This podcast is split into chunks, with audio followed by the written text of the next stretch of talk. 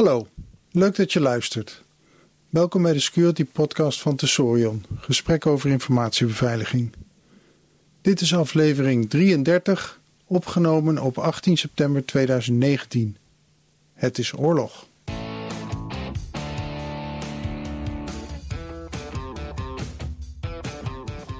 In deze aflevering zetten we de schijnwerper op het boek Het is oorlog, maar niemand die het ziet van Huip Modderkolk.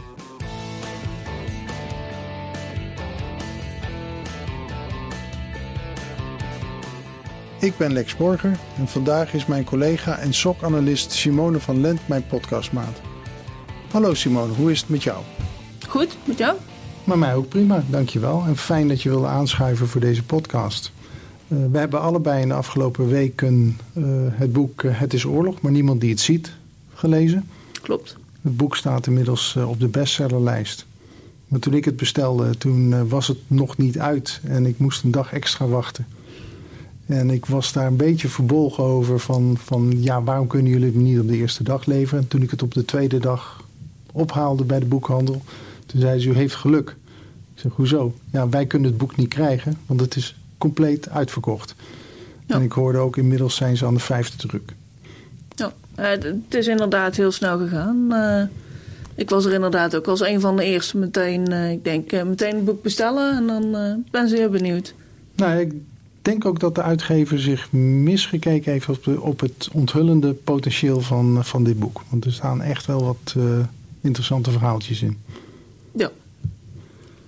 Ja, het boek zelf is vrij, uh, vrij makkelijk ingedeeld. Het heeft zo'n 256 bladzijden.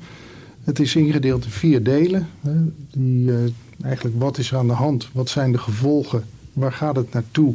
En wie gaat ons beschermen? Een, een, leuke indeling maakt het in ieder geval niet uh, chronologisch. En dan is er in die hoofdstukken beschrijft uh, Huip eigenlijk een heleboel, in mijn ogen, ja, de, de, interessante verhalen waar Nederland iets mee te maken heeft gehad. Maar dat is dus eigenlijk de historie van de cybersecurity. En hij noemt het duidelijk ook oorlog met zijn omkleding van reden. Ik zit, ik zit zelf nog een beetje te twijfelen. Vind jij het gebruik van het woord oorlog in de titel? Wat vind je daarvan? Ik vind het wel degelijk kloppend. Ja.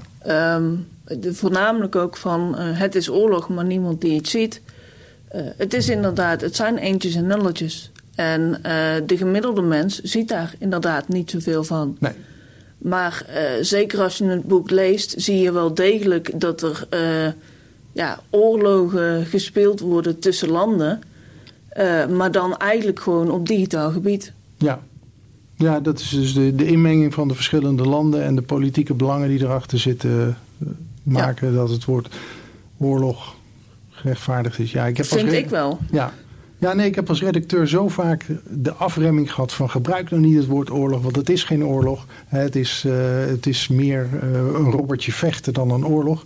Maar ik, ik, ben het wel met je eens dat het die kant op gaat. Zeker met de argumenten die je geeft. Leuk. Ja, laten we gewoon even kijken naar, naar een paar van de onderwerpen. En ik, het, het begint met een, met een rode lijn die verschillende malen terugkomt. De onthullingen van Edward Snowden. En die zijn natuurlijk ja, ingrijpend geweest in ons vakgebied uh, in de afgelopen ja, zoveel jaar dat hij ze gedaan heeft. Zeven jaar geloof ik alweer. Ja. Die tijd vliegt. Uh, wat ik wel interessant vond was dat hij dus ook werkelijk met Edward Snowden gesproken heeft. Ja. En dan de tweede zaak die hij behandelt is uh, fiasco van DigiNotar. Dat was de eerste grote Nederlandse cyberincident geloof ik hè? Zo, dat weet ik niet precies, maar DigiNotar is wel een van de eerste die ik me kan herinneren. Ja, ja, ja waarbij je denkt van, oh god, hoe had het zover kunnen komen? En Huip doet er nog wat onthullingen aan, kleurt wat details in die ik toen de tijd niet helemaal zo door had. Maar als je... Nou, kijk, in de tijd van DigiNotar zat ik inderdaad nog niet zo in de uh, IT-beveiliging zoals, ik het nu, zoals ik nu zit. Het feit dat het inderdaad mogelijk was en dat het op zo'n manier gegaan is. En dan eigenlijk ook bedenkend dat de fouten die destijds zijn gemaakt, dat het eigenlijk nog steeds fouten zijn die je ook tegenwoordig nog soms bij bedrijven ziet. Ja. Uit gemakzucht dingen, bepaalde dingen doen, omdat dat makkelijker is. Ja. Ja, dus niet volgens de procedures werken. Want dat was gewoon echt wat, wat DigiNote fout deed. Ja. Het, het extra draadje waar hij over schrijft. Ja. Volgende onderwerp is uh, Stuxnet. Ik weet niet hoe ver jij bekend was met Stuxnet, want dat is dan ook uh, van voor jouw beveiligingsactiviteiten. Ja, ik heb er toen wel wat van meegekregen. Um, ik moet ook eerlijkheidshalve zeggen, uh, met dit soort onderwerpen heb ik wel degelijk ook destijds, toen ik wel in de IT-wereld kwam, wel met collega's erover gesproken. En nou ja, inderdaad ook wat meegekregen wat nou eigenlijk de impact was. Want dat vind ik inderdaad ook wel gewoon het leuke hieraan. Is dat, dat inderdaad de dingen die in het verleden zijn gebeurd. Ik heb ze wel meegekregen, maar nooit zo meegekregen wat er nou eigenlijk aan de hand was. En hoe, wat de impact nou was. Ja. Ik bedoel, bij DigiNotar, ja, ik wist dat op een gegeven moment in nieuws was geweest dat er iets bij DigiNotar was en dat het fout was. Maar zelf nooit bij stilgestaan wat nou eigenlijk de impact was. En wat het voor Nederland nou precies betekende, maar ook wereldwijd. Ja. En uh, daarom vind ik het juist nu ook leuk dat in het boek inderdaad ook die voorbeelden genoemd worden. Dan ook Stuxnet. Om inderdaad ook wat meer achtergrond erover te krijgen. Ja. ja. En inderdaad ook de rol die Nederland erin gespeeld heeft. Ja, die was verrassend. Want daar, daar reageerde de wereldpers op toen uh, Huip het boek uh, uiteindelijk publiceerde. Ja. We zullen daar even niet in detail ingaan. Dat is, uh, daarvoor moet je boek lezen. We geven hier een hele hoop details uit het boek, denk ik, in ons gesprek wel weer. Maar om echt alle details te horen, moet je boek lezen.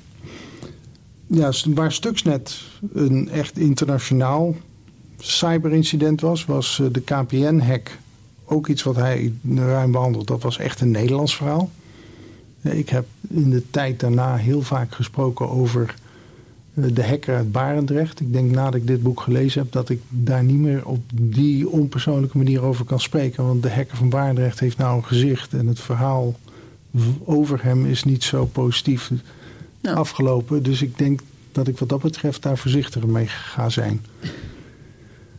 En dan een verhaal over een Australisch bedrijf, Appen, als ik het zo goed uh, uitspreek, of Appen, die aan uh, AI-dataverrijking doet voor overheden. Ja. En die had ik dus nog nooit eerder van gehoord. Ik heb er ook niet van gehoord, maar aan de andere kant verbaast het me ook niks. Nee, het verbaasde mij ook niet, maar het, het, het klinkt bijna wel naar de, de brutaliteit van zeggen dan geheime diensten die dus de informatie die ze krijgen willen laten omzetten naar ja, leesbare informatie. Mm -hmm. Nou, kijk, om een voorbeeld te geven. Uh, ik ken dan inderdaad appen niet. Maar ik weet bijvoorbeeld wel dat er uh, onderzoeksbureaus in Nederland zijn... Uh, die inderdaad vragen of mensen inderdaad zinnen in willen spreken... om AI te verbeteren. Mm -hmm.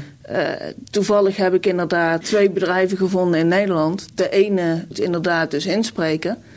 En het andere bedrijf vraagt dus aan andere mensen of dat ze willen controleren of dat de tekst die ingesproken is, of dat die ook klopt. Ja. En uh, of dat het inderdaad bijvoorbeeld een autochtone Nederlander is en of het op, in een omgeving is opgenomen waar op een stille of een luidruchtige omgeving. En ja. daar geef je er natuurlijk wel toestemming voor.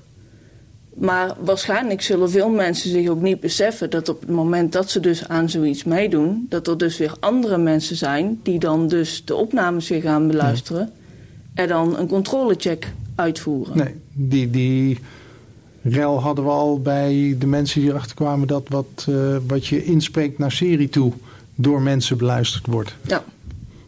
En dan komen we op een, uh, een, een ander ja, lokaal, maar dan Belgisch uh, verhaal over Belgicom. En interessant vond ik het ook de connectie, heel geheel toevallig, dat Belgicom werd Proximus. En we hebben nou een Proximus-directeur of CEO die naar KPN gaat dit jaar nog.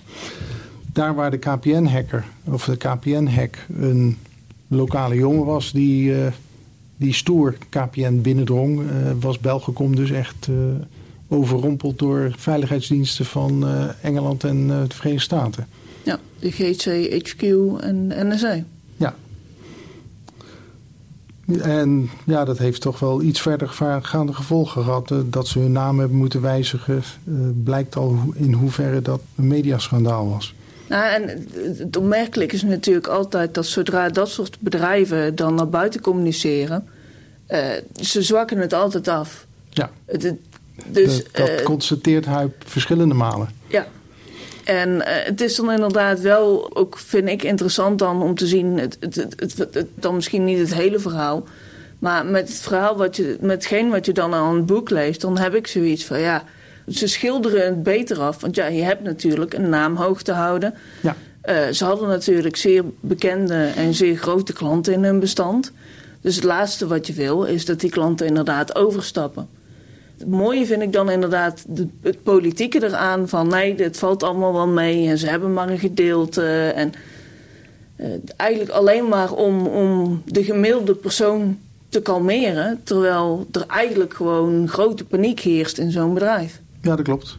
Ik denk dat je dat zie ook uh, bij DigiNote en bij de KPN-hackbeschrijvingen terugkomen. Ik vond het nog wel een leuk detail dat uh, Ronald Prins in zijn vakantie-outfit moest aantreden bij de directietafel van uh, Belgacom. Of dat hij daar in ieder geval toestemming om gevraagd had. En de, de persoon van Ronald Prins zoals ik hem ken, daar past dat precies bij. En dan hebben we het verhaal van uh, Jevgeny eh, Bogachev, de, de, de, auteur van Zeus. Eigenlijk vond ik dat in, in het hele boek vond ik dat een van de zwakkere hoofdstukken. Ja. Het beschrijft wel een, een deel van wat er aan de hand is, maar hij dringt niet door tot iets wat helemaal echt onthult. Mm ik denk dat het meer belangrijk voor hem was om ook te beschrijven van, van goh, als je te hard prikt en je komt te dicht bij de criminele cirkels, dan, dan wordt het fysiek ook erg bedreigend voor je. En in die zin ja, benadrukt hij wel dat het oorlog is. Ja, nou en daarbij uh, dat vind ik ook wel dat uh, als we het dan inderdaad over Bogachev en Rusland hebben, die, die hebben ook wel die status die ze uitdragen. dat, dat inderdaad dat je niet te dichtbij moet komen en ja, dan sla ik er eentje over die ik op mijn lijstje heb staan. Maar eh, dan gaan we, springen we gelijk door naar de infiltratie van Cozy Bear. Dat was natuurlijk iets dat, ik geloof zelfs begin dit jaar, uitgebreid in de kranten heeft gestaan. En in de wereldkranten. Dat was natuurlijk een, uh, een heel spraakmakende affaire. En die heeft Huip uh, zelf naar boven gebracht. Ja. Uh, en daar was, ja, daar was Nederland dan op afstand wel heel dicht bij de, de Russische gang van zaken betrokken. Ja. Degene die ik oversloeg was ook eentje die de wereldpers wel gehaald heeft. De hack van de Democratische Partij tijdens de verkiezingen in de Verenigde Staten. Het leuke daarvan vond ik ook weer, net zoals bij Stuxnet, dat daar een verrassende Nederland-connectie in zat. Nederland is een klein landje. Maar als je kijkt, met, zeker met het internet en hoeveel wij met de implementatie daarvan zijn, uh, zijn wij daar toch een van de grotere namen die, waar wij bij voorop staan. Dat is inderdaad heel veel. We hebben het idee, we zijn maar een klein landje. We hebben maar misschien tegenwoordig 18, 19 miljoen mensen. Maar door het boek merk je wel dat Nederland wel degelijk een hele goede, sterke positie heeft. Maar dat komt natuurlijk ook gewoon door het knooppunt wat bij Amsterdam onder andere ligt. Uh, die inderdaad ons verbindt met de rest van de wereld. Ja. Ja, we zitten inderdaad op een. Uh, we zitten goed langs de snelweg, uh, dicht bij de snelweg. Dat is een goede locatie om te zitten. Ja. die snelweg hebben we dan ook zelf meegebouwd. De digitale snelweg. Ja, de digitale snelweg, inderdaad. Maar wat ik ook merk is een soort VOC-mentaliteit van. We zijn ook echt de ondernemers die niet schuwen om een graantje mee te pikken en dat komt op verschillende malen terug in het boek van Huip. Van, ja, we zitten dan wel aan de, de overheidskant, dus, dus met de inlichtingendiensten eh, goed samen te werken. Maar aan de andere kant hè, daar hebben we dan ook een aantal partijen waarbij we zeggen van nou ja, maar we zitten ook wel het makkelijker te maken voor die criminelen om te hosten en dat soort dingen met onze geloof in een uh, neutraal internet. Zo van, uh, wat je ermee doet, uh, is mijn zaak niet. Daarom vond ik het inderdaad op een gegeven moment ook interessant. Dat, dat ging volgens mij over het El Chapo-verhaal. ja. Van die server. Dat je dan inderdaad, dat die IT-beheerder hadden ze op een gegeven moment als informant. En toen wilden ze een tapverzoek doen. En toen zijn ze dus echt gaan kijken van nou, waar kunnen we dan die server het beste zetten. Ja. En dat de conclusie dan uiteindelijk is van we doen het in Nederland, want daar krijgen we makkelijker tapverzoeken voor elkaar. Ja. Waarvan ik denk van, goh, zijn wij daar dan inderdaad zo makkelijk in? Of zijn die andere landen daar dan veel strenger in? Ja, ik denk dat technisch krijgen we die taps voor elkaar, maar ik kan me voorstellen dat andere landen dat ook krijgen. Maar kennelijk delen we het ook makkelijk met in ieder geval de grote partijen in het Westen, zoals de Verenigde Staten en uh, Engeland. Ja. Even kijken, wat hebben we nog meer staan? Uh, Webzilla en uh, Gubarev. Dat is, hebben we net aangeraakt met het hosten in Nederland. Oh ja, en de, de grote APM en Maersk uh, ransomware affaire. Ja. Die eigenlijk gericht was op de Oekraïne, maar uiteindelijk toch uh, Rotterdam platlegde. Ja. Ik werkte op dat moment, uh, werkte ik inderdaad ook als SOC-analyst. En uh, wij hebben toen inderdaad ook nieuws toen wel echt in de gaten gehouden. op het moment dat er IOC's bekend waren, dat we er inderdaad op gingen monitoren om ervoor te zorgen dat mocht op de een of andere manier toch nog klanten besmet raken, dat we daar inderdaad ook zicht op hadden. Maar dat was inderdaad natuurlijk wel gewoon een heel groot verhaal. Want uiteindelijk heeft de haven er gewoon echt een hele tijd uitgelegen. Ja, en daarmee hebben we dus ook aangevoeld van hoezeer wij afhankelijk zijn van het goed digitaal afgehandeld worden van een hele hoop dingen die logistiek verwerkt moeten worden. En als je dat laat uh, ophopen, dan, dan loopt het vast. Dan loopt het hele logistieke proces vast. Ja, en kijk, wij zijn tegenwoordig ook veel meer afhankelijk van computers. Ja. En het probleem, en dat, dat zie je gewoon door het hele boek, het probleem is gewoon, het grootste probleem wat je ziet, is updates. Ja. En dat bedrijven gewoon heel vaak de updates niet toepassen, want systemen moeten opnieuw opgestart worden. Er zijn inderdaad vaak, zijn er vaak redenen om te zeggen van nou, we hebben de updates niet, want. Maar je ziet eigenlijk keer op keer dat doordat bedrijven het niet updaten. Zijn ze kwetsbaar? Zijn ze kwetsbaar. En eh, komt het op een gegeven moment, keert het tegen zich. Ja. Nou, men zegt ook wel eens van de vraag is niet of je gehackt bent, maar wanneer je gehackt wordt. Ja. Nou, er zijn twee soorten bedrijven. Bedrijven die gehackt zijn en bedrijven die nog gehackt moeten worden. Oh, nee, die het niet weten. Oh, die het niet weten, ja, nog erger. Ja. ja. Maar het is namelijk zo dat uh, vaak uh, ze, is er al bijna een jaar voorbij voordat een bedrijf in de gaten heeft dat er iets mis is. Ja, ja die statistieken zijn heel schrikbarend. Als je ziet hoe lang het duurt om een hack te ontdekken. En de tweede statistiek vind ik er ook altijd erg in dat een buitenstaander ze ontdekt. Het wordt langzaam beter. Ik hoop dat het beter wordt, maar ja, je ziet vaak gewoon dat, uh, dat is ook vaak het probleem. Uh, bedrijven werken ook gewoon met software die nog versieafhankelijk is. Ja. Dus uh, ja, dan moeten ze, ze moeten inderdaad bijvoorbeeld nog een Windows XP gebruiken, want ze hebben bepaalde software die daar alleen maar op draait. Dan is het inderdaad gewoon, ook voor beheerders en mensen in de organisatie, is het gewoon heel moeilijk om te zorgen dat dat gewoon dicht zit. Je kunt niet 100% veilig zijn, dat kan nee. nooit. Nee, maar wat je ziet is dat, de, dat het niet gaat om 100% veilig te, te, zijn, maar dat als je achterloopt, dan loop je achter ten opzichte van je omgeving. En dan ben je relatief kwetsbaarder. Dan ben je in de kudde degene die achteraan loopt of net buiten de kudde. En dat is het slachtoffer wat ze pakken. Ja. Ja, en dat was volgens mij ook bij Maersk het geval. Het was aan de buitenkant was het inderdaad helemaal goed dichtgetimmerd. Maar aan de binnenkant... Of ik zit nou even met nee, een ander verhaal. APM, APM had, uh, had nog heel veel uh, operationele en industriële uh, systemen die oude versies draaiden. Ja. Nou, ik, ik, bedoel, dat is wat Huip zei. ja, we moeten de details maar lezen. En het gaat niet diep genoeg om precies te kunnen zeggen wat daar exact aan de hand was. Maar ja, dat het hele grote gevolgen had, is heel duidelijk. Ja. En dan nog eentje die ik al eerder in de podcast uitgebreid besproken heb, is de Russische spionnen die bij OPCW wilden gaan hacken op het draadloze netwerk. Nou, ik denk dat we daar niet veel meer over hoeven te zeggen.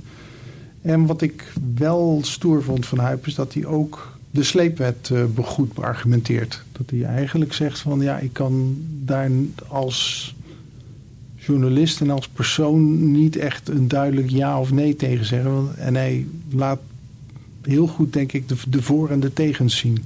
Ja. En ook zien van in hoeverre dat, dat iets is wat we als maatschappij niet makkelijk kunnen beslissen. Ja, en kijk, daarbij hielp het ook gewoon dat ehm, zeker in de media werd het voornamelijk de sleepwet genoemd. Ja. Dat was eigenlijk niet eens uh, waar het eigenlijk voor stond. Ze wilden inderdaad een ander doel, maar dat doordat inderdaad ook volgens mij Arjan Lubach uh, het uh, toen zo groot uitgemeten heeft, ehm, is het voornamelijk op die onderwerpen gegaan. Terwijl er ook wel degelijk andere dingen in die wet stonden die ja, ook wel degelijk goede dingen hadden. De sleepwet zelf is al een geladen, denigerende, negatieve naam. En dat is in de media merkte ik dat vooral ook dat voornamelijk op die negatieve dingen gericht werd. Uh, ik vond het zelf ook heel moeilijk om daar een ja of een nee op te zeggen. Ik weet dat ik daar toen ook mee bezig ben geweest. Ja. En ik heb toen inderdaad ook gezorgd dat ik juist die andere meningen dan de gangbare media kreeg. Want ja, in de gangbare media ging het voornamelijk over die sleepwet en, en uh, ik ben juist inderdaad ook naar de meningen van, van Ronald Prins. En, en ja, juist mensen die daar wel degelijk meer over weten, om die op te gaan zoeken. Om daar te kijken van, goh, wat zeggen die ervan en wat voor mening hebben zij erover? Ja. Nou, dat is een mooi bruggetje ook naar wat je door het hele boek ziet. Zijn, ja, Huip heeft naar zijn eigen zeggen meer dan 110 mensen geïnterviewd om dit boek te kunnen schrijven. En heel veel van die mensen noemt hij ook bij naam. Verschillende mensen alleen bij voorletter en andere mensen alleen maar vaag. En hij legt ook uit waarom. Alleen al van als je een beetje bekend bent binnen Security Nederland, dan heb je heel veel bekende namen die uh, toch wel in het boek voorkomen. En mensen waar ik zelf ook mee samengewerkt heb, uh, die een grote rol spelen. Ja. Al met al, denk ik, een, een prachtig boek. Eh, geschreven voor de IT-leek om toch een begrip te krijgen van wat er allemaal uh, met deze heks aan de hand is. Aan de andere kant, ja, er zijn een paar incorrectheden die door alle checks heen gekomen zijn. Bijvoorbeeld op pagina 118 staat er, het gaat over een virus en het is in staat zichzelf te installeren op computers die uitstaan. En niet met het internet verbonden zijn en net zo lang te wachten tot zo'n computer weer opgestart wordt. Om dan ongezien documenten of andere data van die computers te versturen. Ja, ik heb dat verschillende malen gelezen. Ik heb dat met wat experts eh, besproken. Van is er iets wat ik over het hoofd zie dat een computer die uitstaat besmet kan worden? Ik, uh, ik heb zelf geen idee hoe je dat zou kunnen. En ik heb ja, on LAN werd genoemd als een mogelijkheid. Maar ja, in mijn ogen dan start je de computer op en dan gaat hij. Ja. Ja, dat klopt. Uh, ik las het ook en ik heb het inderdaad ook een paar keer zitten lezen dat ik dacht van... Ja, maar als iets uitstaat, dan staat iets uit. Dus nou, het, enige wat je inderdaad hebt is LAN. Uh, vaak is het wel zo dat uh, computers die zitten natuurlijk wel aan een stroomkabel... Uh, dus er is misschien altijd nog wel iets connectiviteit. Maar als een computer uitstaat, dan staat die gewoon uit. Ja, dus ik denk dat veel meer, als ik hem interpreteer, veel meer gaat hier om computers die men lang genoeg heeft kunnen aanzetten om te besmetten met een rootkit of iets dergelijks. En dan toch weer remote uitgezet heeft of uit heeft laten zetten. Ja, dat denk ik wel. En ik verwacht inderdaad, uh, ik weet natuurlijk niet wat er precies allemaal uh, in die malware zat. Maar het zou best kunnen zijn dat dat een soort uh, Eternal Blue en inderdaad gewoon zich door het netwerk verspreid heeft door middel van SMB-kwetsbaarheden. Ja. ja, je weet niet welke kwetsbaarheid gebruikt is. Nee. Er zijn meer, meerdere kwetsbaarheden waarbij je in ieder geval wel makkelijk bij een systeem binnen kunt komen. Ja. op pagina 139 staat een verhaal van het hacken van de identifier van ABN AMRO. Dat vond ik ook net even wat te zwaar aanzetten en niet helemaal correct, omdat hij in de tekst beschrijft dat ja, de magneetstrip van de kaart gehackt werd. Nou, dat is denk ik in, de in Nederland zelf is de magneetkaart niks meer waard. En ik denk ook van, ja, als je de identifier kent, dan heb je geen gelegenheid om die magneetkaart te kopiëren. Want de magneetkaart passeert nooit langs een, iets wat een lezer kan zijn. Ik heb dus teruggezocht naar bericht, eerdere berichtgeving. Die hack was trouwens al in 2008 en tot 2010 ontdekt. En waar ik achter kwam was dat het skimmen wat daar genoemd wordt... niet van de magneetkaart was, maar van de chip zelf. Ja, skimmen wordt sowieso van de chip zelf gedaan. Ja, nou, nee, misschien niet altijd. Ik bedoel... Nou, vroeger noemden we het skimmen van een kaart ook het, het kopiëren van de magneetdeel. Maar dat, dat in Europees, doordat we gewoon die magneetkaart minder gebruiken... Ja, dan moet je dus helemaal naar een land gaan wat nog geen chips gebruikt. Ik zou niet eens meer weten welk land in de wereld dat nu nog is. Er zijn nog genoeg kaarten die wel degelijk van een uh, magneetstrip gebruiken. Is inderdaad niet van de bank. Ja. Maar denk maar aan je tankpas. Ja. Die gebruikt gewoon de magneetstrip. Ja, er zijn kaarten die magneetstrip gebruiken. En, zelfs inderdaad, je hebt terecht, die, die dus voor betalingen van een specifiek goed gebruikt kunnen worden. Maar als je kijkt naar de financiële wereld, dan is uh, elke betaalkaart en elke creditcard wereldwijd nou wel op een chip over. Zelfs in de Verenigde Staten. Dat, dat weet ik niet. Het zou me ook niks verbazen als bijvoorbeeld, bijvoorbeeld uh, sommige betaalautomaten of uh, pinautomaten in dit geval, dat die wellicht ook nog wel de magneetstrip gebruiken. Ja. Maar eigenlijk hebben we dus gewoon te weinig informatie nog. Ja.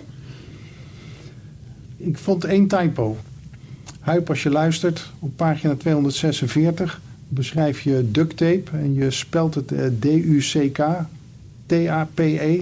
En het uh, product is D-U-C-T, T-A-P-E het viel mij op, ook op. Ik denk, nou, maar ik vind het grappig dat het jou inderdaad ook uh, opgevallen is. Ja. Ja, en als laatste, uh, Huip, dat is een, een, een, soort tweede verhaallijn die terug blijft komen in het verhaal. Twee dingen, dat, dat Huip uh, thuis kapotte internetrouters had tot twee keer toe. Hij noemt het woord brikken niet, maar ze zijn duidelijk gebrikt. De, de vraag is van hoe zijn ze gebrikt? Wie heeft ze gebrikt? Ik vind het vrij geloofwaardig dat er partijen zijn die jouw internetrouter zouden willen overnemen. Van een journalist die dit soort onderzoeken doet. Uh, dat dat kennelijk misgegaan is. Ik denk dat dit soort dingen gaan waarschijnlijk wel mis. Ik, ik weet niet ja, of... het, het gaat wel eens mis. Of ik heb wel eens gehoord van uh, aanvallen die inderdaad niet helemaal gingen zoals bedoeld waren. Ja, je probeert het natuurlijk wel altijd zo ongezien mogelijk te doen.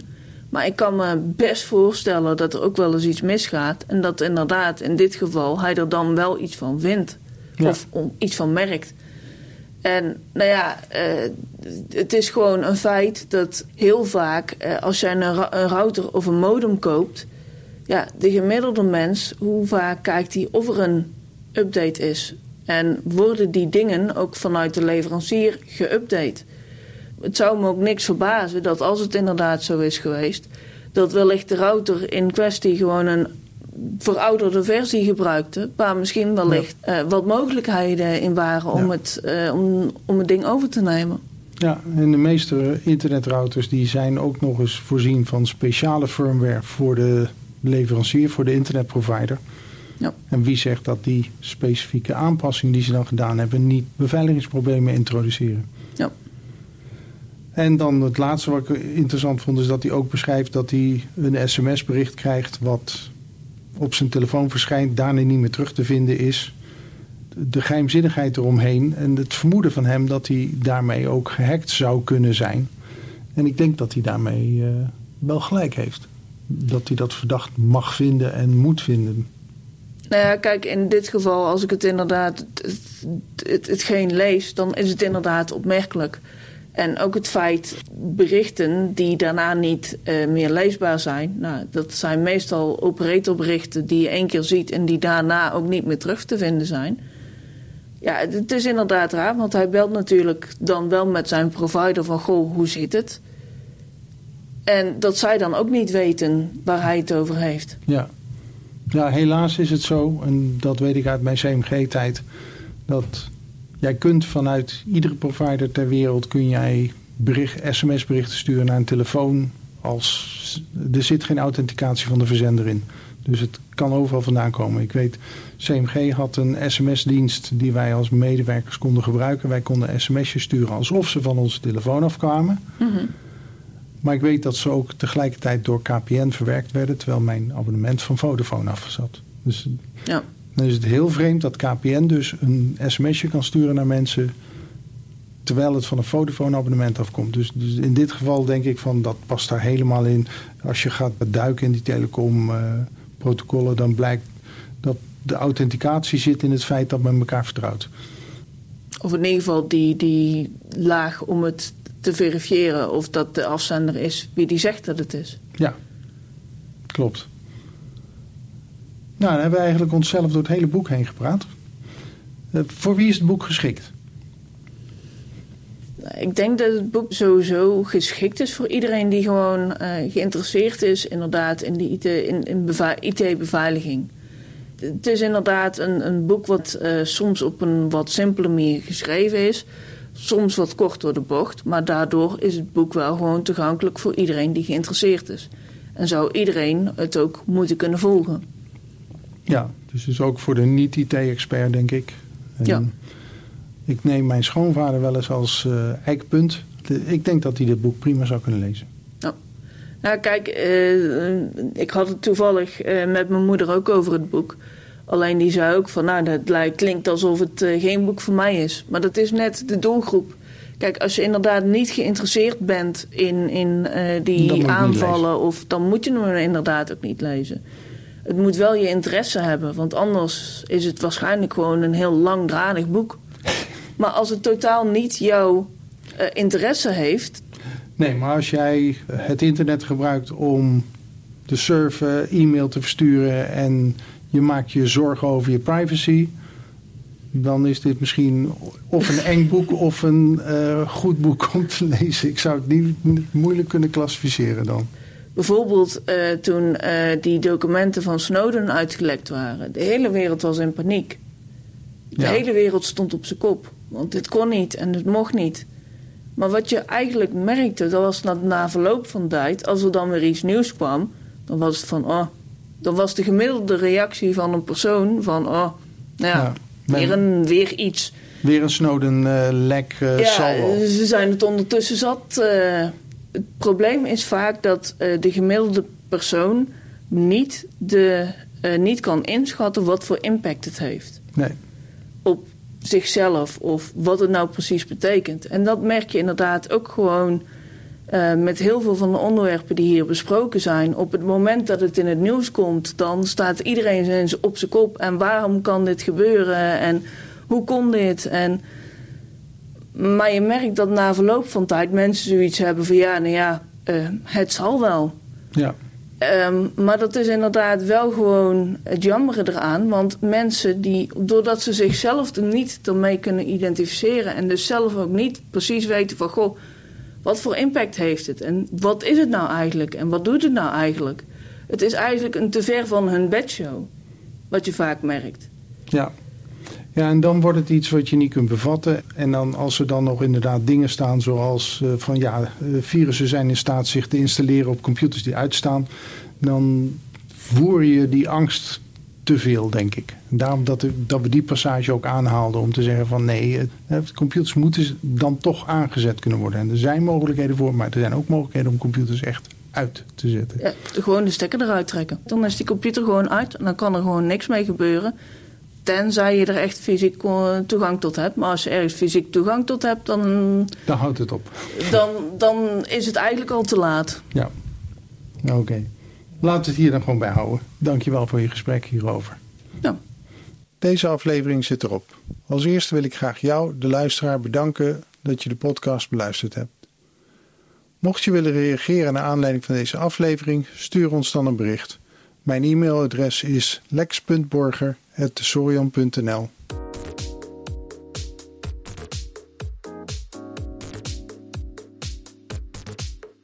Wij zijn werkzaam bij Tesorion. Onze website is www.tesorion.nl.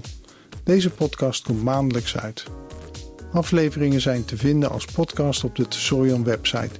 Je kunt je abonneren op de podcast via de feedlink https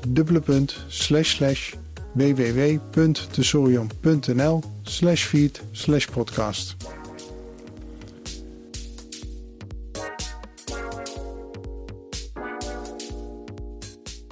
Simone, dan rest mij jou te bedanken voor je bijdrage aan deze podcast. Wij sluiten hierbij af. Tot de volgende keer.